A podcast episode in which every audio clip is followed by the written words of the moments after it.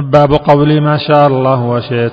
عن قتيلة أن يهوديا أتى النبي صلى الله عليه وسلم فقال إنكم تشركون تقولون ما شاء الله وشئت.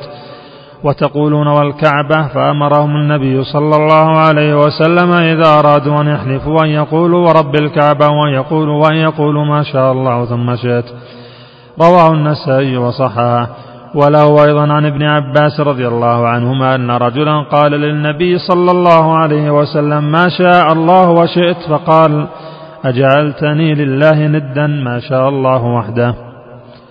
ولابن ماجه عن الطفيل أخي عائشة لأمها قال رأيت كأني أتيت على نفر من اليهود. قلت إنكم لأنتم القوم لولا أنكم تقولون عزير بن الله. قالوا وأنتم لأنتم القوم لولا أنكم تقولون ما شاء الله وشاء محمد. ثم مررت بنفر من النصارى فقلت إنكم لأنتم القوم لولا أنكم تقولون المسيح ابن الله. قالوا وأنتم لأنتم القوم لولا أنكم تقولون ما شاء الله وشاء محمد.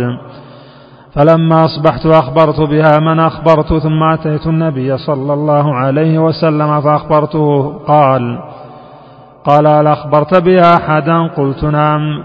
قال فحمد الله وأثنى عليه ثم قال صلى الله عليه وسلم أما بعد فإن طفيل رأى رؤيا أخبر بها من أخبر منكم وإنكم قلتم كلمة كان يمنعني كذا وكذا أن أنهاكم عنها.